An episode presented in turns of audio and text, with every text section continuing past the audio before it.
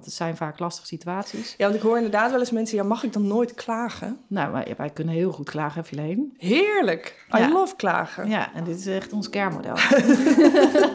dus kom een keer langs bij ons. Ja.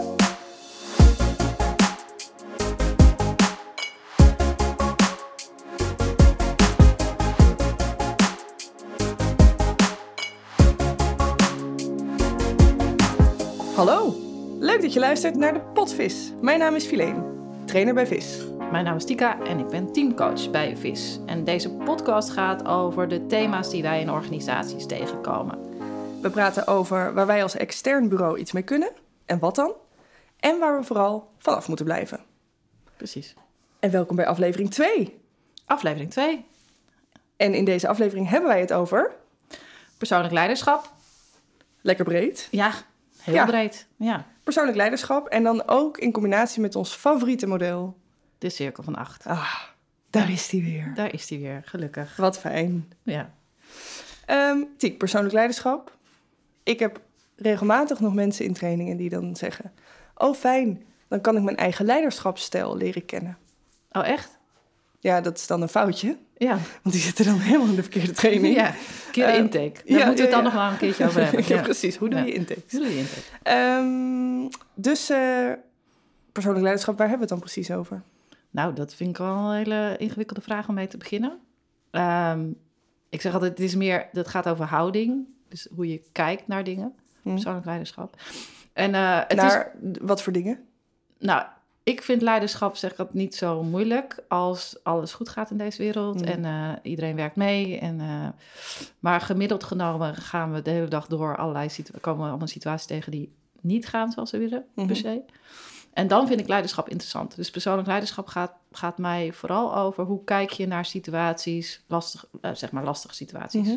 Mhm. Ja. Ehm, van een ander of van jezelf? Van jezelf. Beetje Een open deur. Ja, het is wel een open deur. Ja, ja. Zeg dan gewoon wat je vindt. ja. Nee, van, je, van jezelf. Ja. ja. Ehm, en daar, de, de meeste organisaties roepen daar wel iets over, toch? Ja, ja, en je hoort het ook wel in een andere vertaling, maar persoonlijk leiderschap horen we vaak, of proactief, of je Eigenaarschap. Bijna, eigenaarschap is heel populair volgens mij. Ehm, proactief was, nou ja, dat is een beetje uit volgens mij, maar dat Mm. was ook een tijdje zo'n belangrijke term. Verantwoordelijkheid. Mensen moeten veel eigen verantwoordelijkheid nemen. Ja, vooral de combinatie eigen verantwoordelijkheid. Ja, dus dat zijn wel dingen die, ehm, maar ook wel professioneel gedrag. Soms is dat ook wel de vertaalslag. Dus je hoort het veel, ja. Regie, Dus- is ook wel Oh ja, ja, ja, ja. eigen regie. Eigen regie. Ja. Hey, dus deze termen worden best veel gebruikt. Ik heb wel het idee dat de praktische vertaalslag daarvan niet altijd helemaal helder is. Nee, want dat is natuurlijk wel weer het gedoe met die termen. Dat Ja. het, mij zegt het niet zoveel als mensen zeggen... ja, eh, eh, mijn medewerkers moeten meer proactief zijn. Dan denk ik, oh, oké. En hoe ziet dat er dan uit? En, eh, dus, eh, dus ik vind het wel altijd fijn. Volgens mij zoeken wij daar ook altijd heel erg naar... Hoe, ja, wat, hoe kunnen we het vertalen zodat mensen grip krijgen? Mhm. Maar zou jij wat voorbeelden kunnen noemen als het bijvoorbeeld gaat over ehm, nou, de term persoonlijk leiderschap of eigenaarschap? Wat dan eh, zo wat verschillende voorbeelden zijn wat organisaties daarmee bedoelen? Ja, vaak is het... ehm, wat ik soms in de intake tegenkom... is dat mensen negatief framen. Dus ze zeggen, ja, er wordt best wel veel geklaagd en gemopperd... En daar willen we van af. Dus het is een soort, vaak wordt het gezien als een antwoord op een klaag- en een moppercultuur. Ja, ja. Wat interessant is, want vaak hebben ze dan zelf natuurlijk ook al geklaagd over die, over die Die is leuk. De, de, klaag- de klagers over de klagers. Ja, ja, ja. dus dat is nooit, eh, dat is daar maak ik mezelf nooit zo populair mee dat ik vaak dan na een tijdje zeg: heb je nou door dat je zelf aan het klagen bent over de klagers? Ehm, maar dat is natuurlijk wel vaak wat er gebeurt in de organisatie. Ja. Dus daar is het soms een antwoord op. Ehm, maar ook wel eh, wat positiever geframed. Mensen ze- eh, ook zeker in deze tijd, dat mensen zeggen: ja, mensen moeten echt wel veel meer, mogen zelf veel meer gaan kiezen voor wat ze willen leren, wat ze willen ontwikkelen binnen deze organisatie. Wat ze ook, zeker in grotere organisaties, ook keuzes voor een loopbaan, eh, zelfs buiten eh, de organisatie. ja. En dan echt niet als we moeten van je af, maar echt wel kijken naar, ehm, ja, eh, wat willen mensen. Ja. Dus daar is steeds meer ruimte voor, wat heel cool is, vind ik. Ja. Eh, dus daar wordt ook veel persoonlijk leiderschap voor gevraagd. Ja, en dat, dat vraagt toch best wel veel van mensen. Want het Ja. lijkt zo lekker. eh, daar hadden we het de vorige keer Mm. natuurlijk ook over, over eh, die leerversnellers. Ja. En dat je je eigen ontwikkeling mag vormgeven. Ehm, dus dat voelt heel luxe, Ja. denk ik. Ehm, en tegelijkertijd vraagt het, jij noemt het al proactiviteit, vraagt dat superveel proactiviteit. En in drukke tijden, ik heb nog nooit een organisatie gezien die zei, oh, we hebben het eigenlijk heel rustig hier. Ja. Eh, dus iedereen is druk, druk, druk. ja. Ja, eh, wordt dit dan opgepakt? Nee, en het is volgens mij komt het nog meer onder druk te staan, omdat in organisaties, dat zie jij volgens mij ook, is het is een beetje overspannen tijd. Mm. Hè? Dus zeker na corona. Over persoonlijk leiderschap werd heel erg gevraagd in coronatijd ook. En dat kwam er extra bij. Mhm. Dus hoe ga je soort thuiswerken, je balans, privéwerk. Dat vroeg ook heel Mhm. veel persoonlijk leiderschap. Eh, dus dat is alleen maar meer aangezet. En nu komen mensen terug in organisaties, zijn al een tijdje terug. Eh, en wat we zien, ik zie dat veel in teamcoaching, dat, ehm, dat mensen zijn, eh, nou, ik zie best wel veel eh, een beetje burn-out-achtige Ja. eh, organisaties. Ehm, dus dat vraagt nog meer. Weet je wel? Hoe doe je dat dan? Eh, je, je, misschien ben jij een van de weinigen van je team wat, wat, hè, die nog wel fulltime aan het werken is. Mhm. en, eh, dus ja, ik denk dat het steeds meer gevraagd wordt en het komt steeds meer onder druk. Ja, ja. Dus dat is wel een rare spagaat waar we dan eh, in zitten met elkaar. Nou ja, dus de behoefte om hier iets mee te doen wordt, wordt misschien urgenter. Ja, Of zeg jij, juist omdat die steeds meer onder druk komt te staan, moeten we misschien eh, het verlangen van organisaties om meer persoonlijk leiderschap te stimuleren, ook gewoon een beetje loslaten? Zouden we het los moeten laten? Is dat wat je zegt? Nou, misschien dat dat de druk er wat van afhaalt of zo. Ja, dat is wel waar. Ja. Het is nu wel een soort, eh, je, je moet dat, je moet dat doen. Terwijl ik denk, ja, sommige, ehm, soms kan het ook niet. Ik zie best een aantal mensen waarvan ik denk, ja, kom eerst maar eens tot rust of zo. Weet je wel? Dus ons brein wil ook niet ontwikkelen. Het vraagt veel van ons brein, persoonlijk leiderschap. Daar komen we Mhm. later wel eh, op. En als je onder stress staat, of, eh, dan, dan ga je, dat, dat brein doet het helemaal niet zo goed. Dus soms misschien- moet je ook wel adviseren. Ik denk dat wij ook wel af en toe adviseren, jongens, we gaan nog niet leren nu. We gaan nog Ja. niet een, een trainingsprogramma doen, want mensen, iedereen is hier half overspannen. Ja. Ga eerst maar eens dingen tot rust brengen. En, eh, nou, ik heb, ik heb op die manier wel eens een trainingstraject teruggegeven. ja. Oh, is nou dat ja, zo? Lekker. eh, ja, lekker. ik dacht al, waar gaat dat geld heen? Ja, Ja, ja, oké. Eh, had ik jou misschien moeten vertellen. Oh, oké. Eh, nee, maar dat, ehm, eh, ik kwam er daarachter. Deze mensen die zitten zo in, dat, zo in de stress. ehm, eh, die ervaren onveiligheid. Ja, dat is helemaal niet een vruchtbare grond om te gaan leren. Zeker niet leren over persoonlijk leiderschap. nee. En over dat rust nemen. Ik, ik denk dat in sommige gevallen dat precies is wat mensen te doen hebben in hun persoonlijk leiderschap.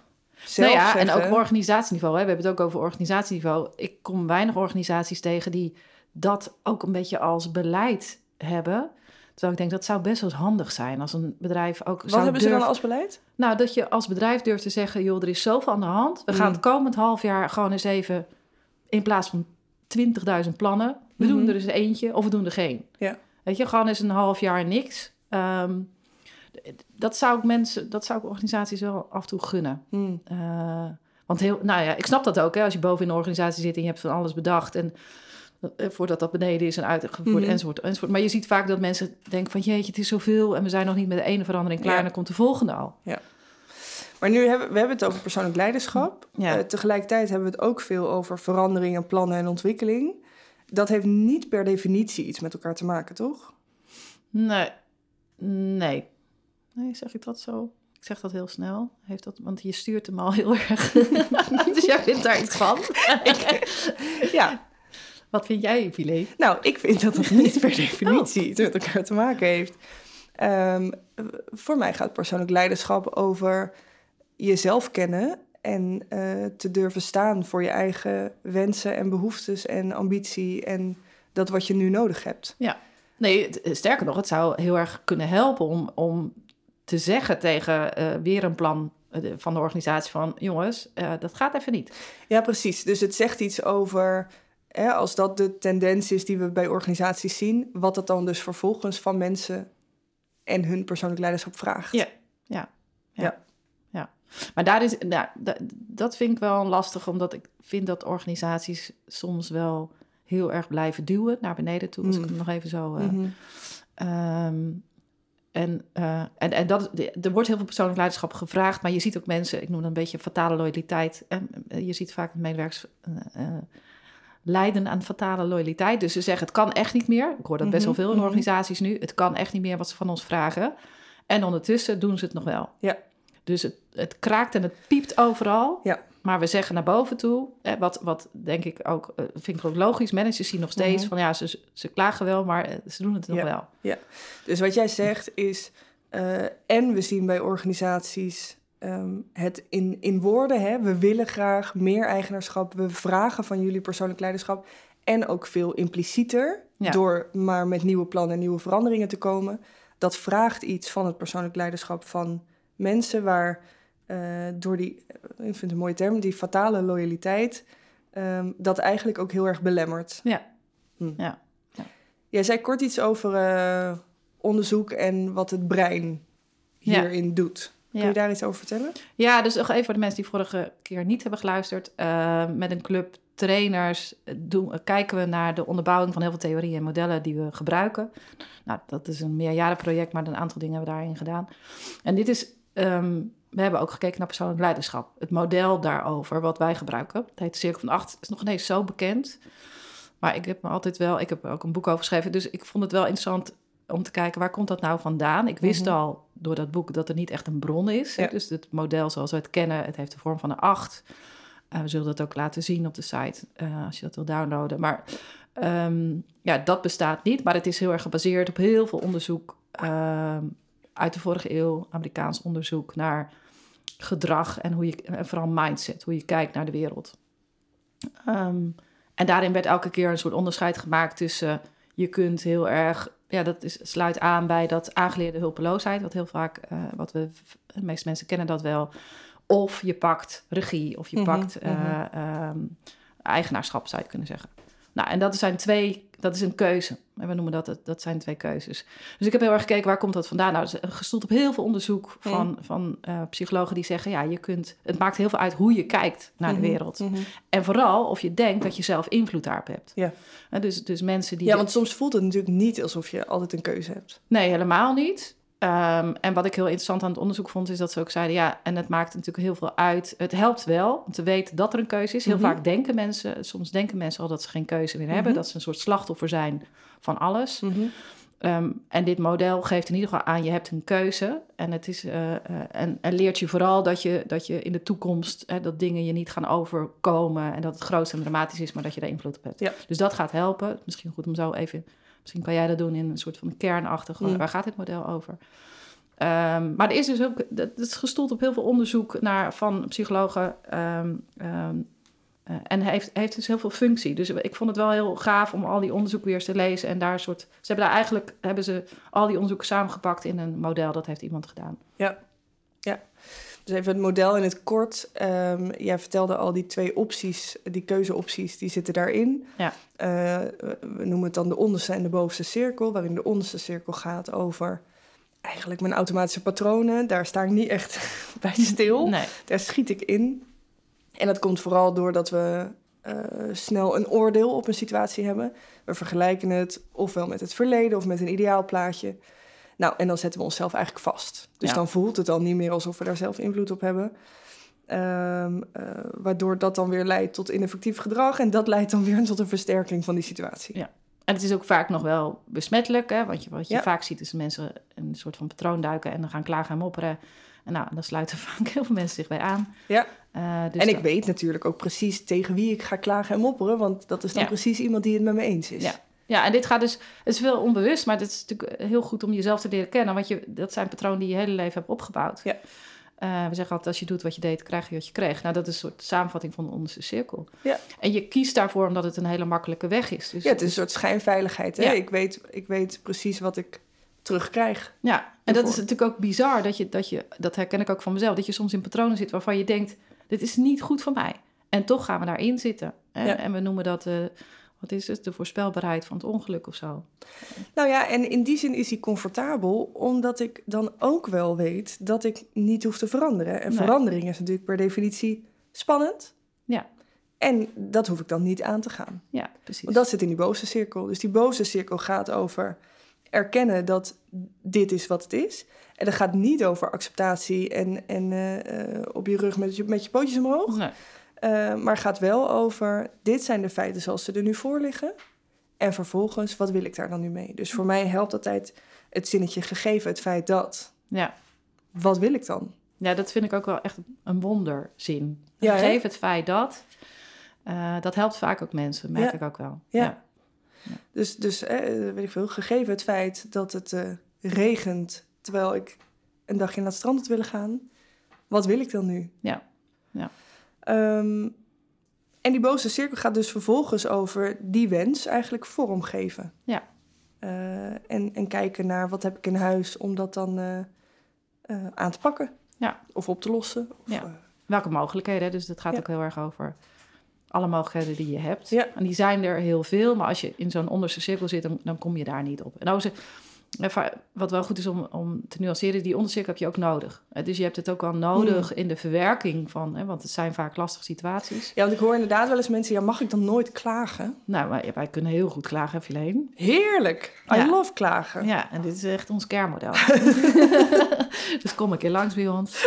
Ja, nee, wij kunnen heel goed klagen. Dus je hebt ook nodig om die emotie eruit te kunnen. Alleen, Mm. ja, je weet ook, eh tenminste, eh, zeker als je het model kent, dat je daar niks nieuws gaat vinden. Of je gaat daar, dat is wel eh, handig om te beseffen. En sterker nog, ik denk dat als je zegt, ja, sorry hoor, ik moet gewoon heel even vijf minuten klagen, dat het dan misschien zelfs wel bovenste cirkelgedrag is. Ja, Omdat ik dan dat heel bewust doe Ja. en weet dat het me op zal luchten. ja. En volgens mij is dat ook wel behulpzaam als je dat... Want klagen mopperen is natuurlijk vaak zo'n soort eindeloos ding. Ja. Dus het- ik vind het ook wel interessant dat we dat gewoon kunnen begrenzen. Ik heb ook wel eens mensen gehad die zeiden, ja, eh, dat hielp heel goed om dan tegen een collega te zeggen, mag ik even vijf minuten bij je klagen? En die ging dan echt een wekker zetten. Ja. En na vijf minuten eh, klagen ging de wekker af en dan zeiden ze allebei, dit was het. Ja. En nu gaan we een kop koffie drinken en over het fijne weer kletsen. Richard Branson doet dat ook. Hè? Dat is een Oh ja? mooie documentaire eh, over hem. Waarin die, die heeft natuurlijk ook teleurstellingen. Het lijkt dat die man natuurlijk alles aan kan, maar Mm. die heeft heel veel teleurstellingen ook. En die zet dan ook inderdaad een wekker. En dan gaat hij boksen en vloeken. En eh, dat vertelt zijn zus dan in die documentaire. En na tien minuten gaat hij wekker. En dan, eh, nou, Klaar. dan, dan lacht hij weer en dan gaat hij verder. Ja. Ja. dus dat, ja, dat vind ik ook wel een mooi voorbeeld. Eigenlijk ben je dus heel bewust dan, eigenlijk is dat al de keuze die je maakt. Ja, het gaat natuurlijk ook over keuzes. Ja. Ja. Ja, En nou is wat ik wel mooi vond aan dat onderzoek, want daar heb ik ook onderzoek naar Mhm. gedaan, dat de neurowetenschappers ook weer, eh levende neurowetenschap, eh, eh, zeiden, het maakt, die hebben echt wel helemaal naar die hersens gekeken, heel ingewikkeld verhaal, maar dat, dat laat ik even achterwege, maar die zeiden wel, het maakt wel echt uit eh, wat je hebt meegekregen, want mensen die hun hele jeugd hebben gehoord, jij bent niks waard, Mhm. uit, slecht, uit gezinnen komen waar heel veel gedoe was, ehm, die hebben niet zo'n soort snelweg in het brein. Ja. En, en ik kan me daar wel eens, ik, dat helpt mij heel erg. Ik vind het ook heel belangrijk dat we dat zeggen, omdat ik soms echt moe word van die mensen die zeggen: Ah, je hebt altijd een keuze. En hè, van die huppelende mensen die zeggen: Ja, en je kun je leven maken. Dat is natuurlijk niet waar. Weet je wel, dat, dat registreert ons Nou, misschien nog- is het wel waar. wel- ja, maar niet, je kunt het niet registreren als je je hele leven hebt Ja, gehoord, je bent niks waard. Eh, dus eh, als, wat ik wel interessant vond, is dat die neurowetenschappers, Zedeman in dit geval, zei: ja, en ook deze mensen helpt dat inzicht wel. Hmm. Ja, dus het helpt heel erg dat ze gaan snappen dat, ze, dat dat niet geldt voor de rest van hun leven. Dus dat ze naar de toekomst kunnen kijken en dat. Want, want die snelweg eh, van eh, aangeleerde hulpeloosheid zorgt er vaak voor dat je ook denkt: oh, maar in de toekomst, alles wat me ga- gaat, ook alles me nog overkomen, is allemaal, allemaal negatief. Ja, ja, ja. Dus dat inzicht helpt. En vervolgens moet je mensen leren. Inzicht is niet genoeg.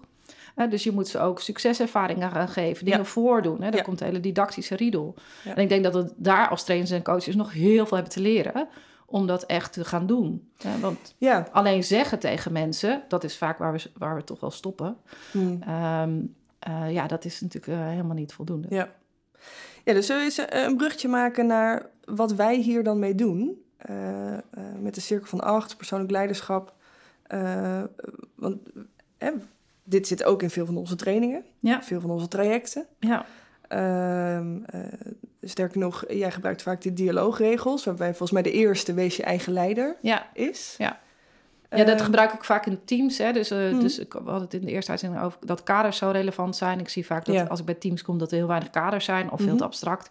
Dus ik begin altijd met eerst maar eens even een aantal regels met elkaar vaststellen over hoe gaan we hier samenwerken, hoe willen we dat doen. Daar gebruiken we dialoogregels voor. Ehm, en, en daar is de, de hoofdprincipe is, daar wees je eigen leider, die is nog wel wat, abstract, maar mensen... eh, en dan kan dit model weer helpen om dat invulling te geven. Hm. Want dit model, eh, jullie, als, je, als je het model ook ziet, iedereen snapt dit. En je hebt het net uitgelegd, maar iedereen kan dit volgen. Ja, ja. Nou, en dit is eh, tegelijk ook een van de dingen die ik veel in trainingen doe. Nog even los van het Cirkel van Acht model intrainen. Ja. Als we hebben afgesproken met elkaar, wees je eigen leider. En aan het eind van een training hoor ik iemand klagen over dat hij de training niet nuttig vond. Ja. Dan is dat het moment voor mij om iemand aan te spreken op, joh, en waarom zeg je dit achteraf en eh, zeg je dat niet in het moment even tegen mij? Want dan kan ik nog bijsturen. Ja. Dus als het gaat over wees je eigen leider of als het gaat over persoonlijk leiderschap, dan zijn dat ook de momenten, denk ik, om mensen in het moment daarvan bewust te maken. Ja, ja. En dat moment steeds dichterbij te halen. Ja. Dus het is al heel wat als we het eind van de training doen. Hè. Ja, Ook als mensen ontmoet die dat in een vooral thuis deden. Ja, Ja, in het ja. evaluatieformulier. De kroketten waren beter dan eh, de trainer. Het ging niet over jou, hoop ik. Oh. Persoonlijk themaatje.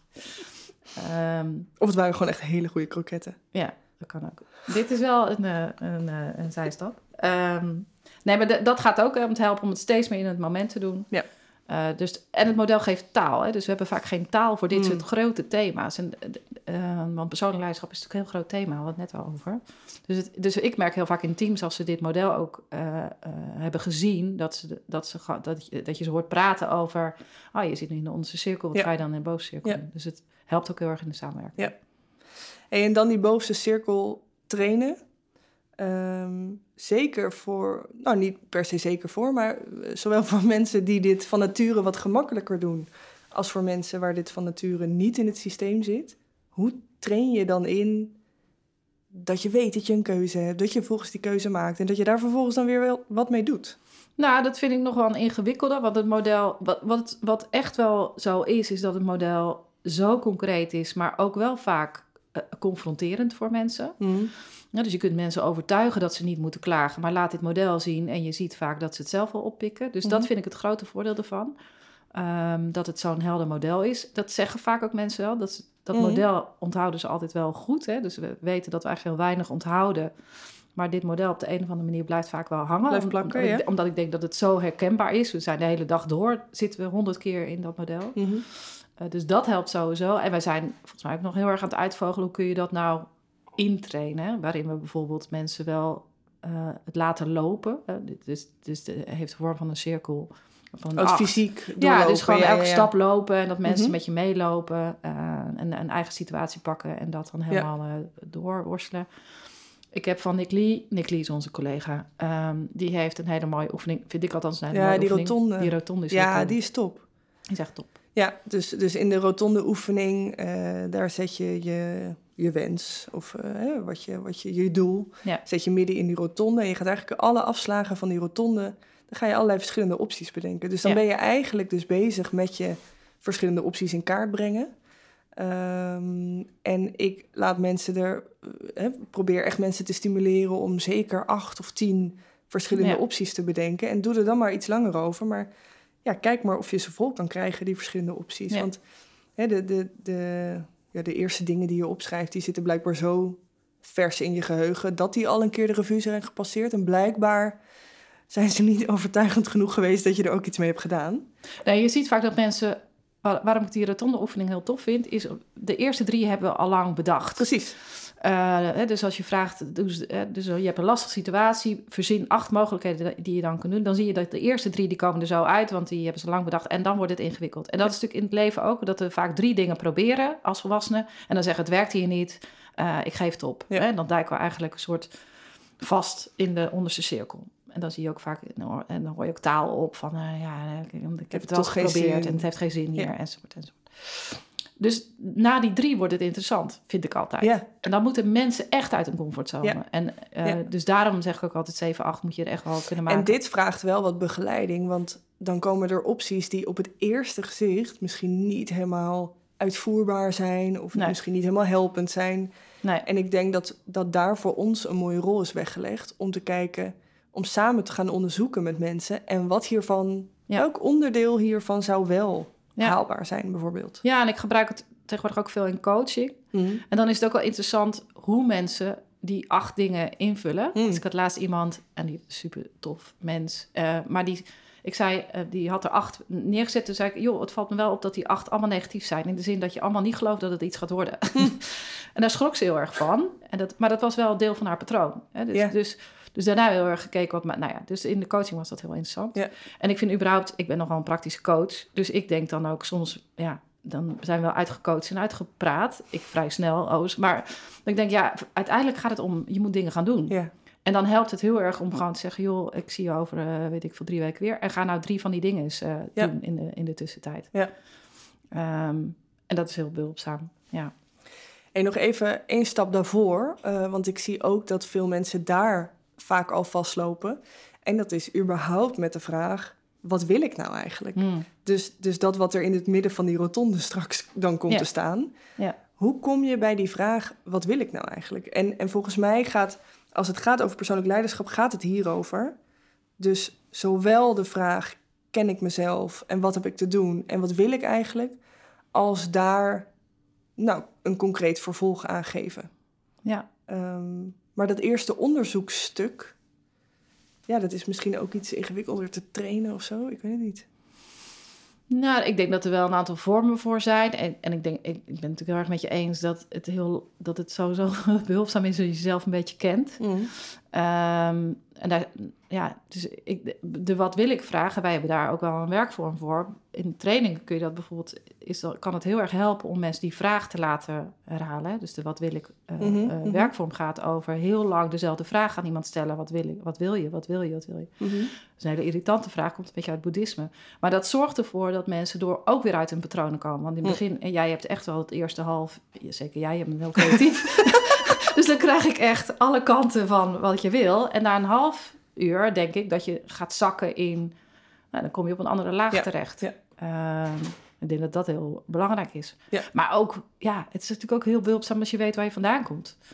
Ehm, dus wij zijn geen therapeut. Ik wil dat onderscheid heel erg Mhm. duidelijk maken. Maar in mijn coaching vind ik het wel belangrijk om te weten uit welk gezin eh, kom je. En ik wil, dus, dus ik ga niet graven in dat gezin, maar wel even wat heb je geleerd, wat heb je niet geleerd, Ja. wat was je positie. Ja.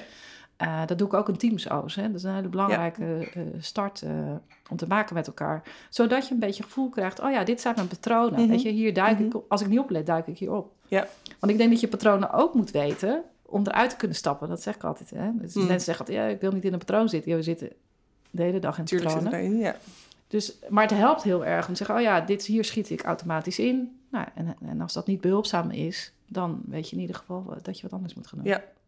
Ja, en ik kan me voorstellen, en dat heb ik ook wel eens in trainingen gehad, dat, dat we in dat onderzoek bij sommige mensen dingen tegenkomen waarvan ik echt denk, oeh, hier moet ik mijn vingers niet aan Nee, branden. blijf er vanaf. Ja. Ja. Die vind, en dat vind ik soms een, eh, best een, eh, een vage lijn. Ja. Wanneer is die nog wel voor een trainer en een coach en wanneer niet meer? Nee, is, Ehm. is waar. Ja. Ik denk mm, dat je onderbuik daar genoeg over kan zeggen.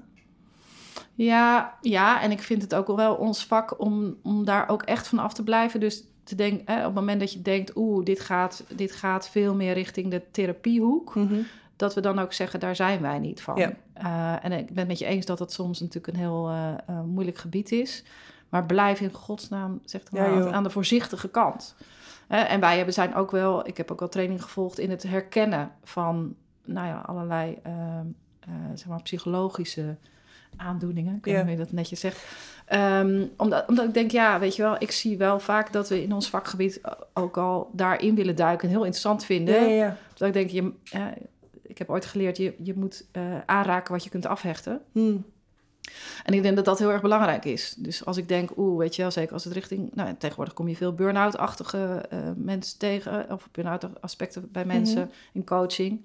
Dan moeten we ook op een gegeven moment kunnen zeggen... jongens, volgens mij moet je echt naar gespecialiseerd iemand. Ja, ja. Eh, Ja, en dat laatste vind ik wel relevant dat je die zegt. Ehm, dus, dus met je poten er vanaf blijven betekent niet... oh, ik zie wel iets, maar eh, dat is niet voor mij... dus ik doe mijn ogen en mijn oren Nee. dicht... en eh, ik ga me focussen op andere deelnemers. nee. Dus, dus ik vind daar wel een verantwoordelijkheid voor ons liggen... om eh, nou in ieder geval een, een soort ah, handreiking te doen Ja. aan iemand. Ja. doorverwijzing. Ja, of, eh, precies. ja, zeker. Ja. Ja. Dus daar blijven we vanaf, Ja. denk ik dan. Hoop ik dat iedereen dat doet in ons vakgebied. Hey, samenvattend, persoonlijk leiderschap. Heel cool model. Heb je ervoor? Heel cool model. Nou, niet van ons, hè. Dit is gewoon eh, algemeen eh, beschikbaar. Ja, en wij werken er heel graag mee. Ehm, eh, we begonnen met wat zien we binnen organisaties. Dus zowel expliciet als impliciet zien we dat er veel persoonlijk leiderschap wordt gevraagd van, van mensen. En steeds meer, ik denk de komende jaren. Ja, ja. En die wordt voor medewerkers ook steeds moeilijker om op te pakken, omdat die sterk onder druk komt te staan. Ja, ja. Ehm, voor ons is de Cirkel van Acht een supermooi model om, eh, om mee te werken, om inzicht te geven in überhaupt welke patronen stap ik in, Ehm, überhaupt welke keuzes heb ik eigenlijk. Ja, Ehm, En gestoeld op veel theoretische onderbouwing. Dus Ja. eh, als mensen dat interessant vinden, kunnen ze altijd even bij ons eh, het artikel opvragen.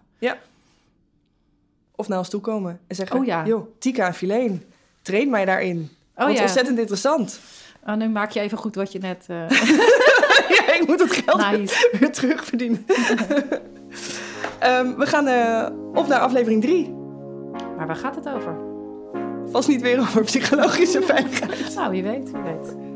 Tot de volgende keer. Tot de volgende keer. Nou.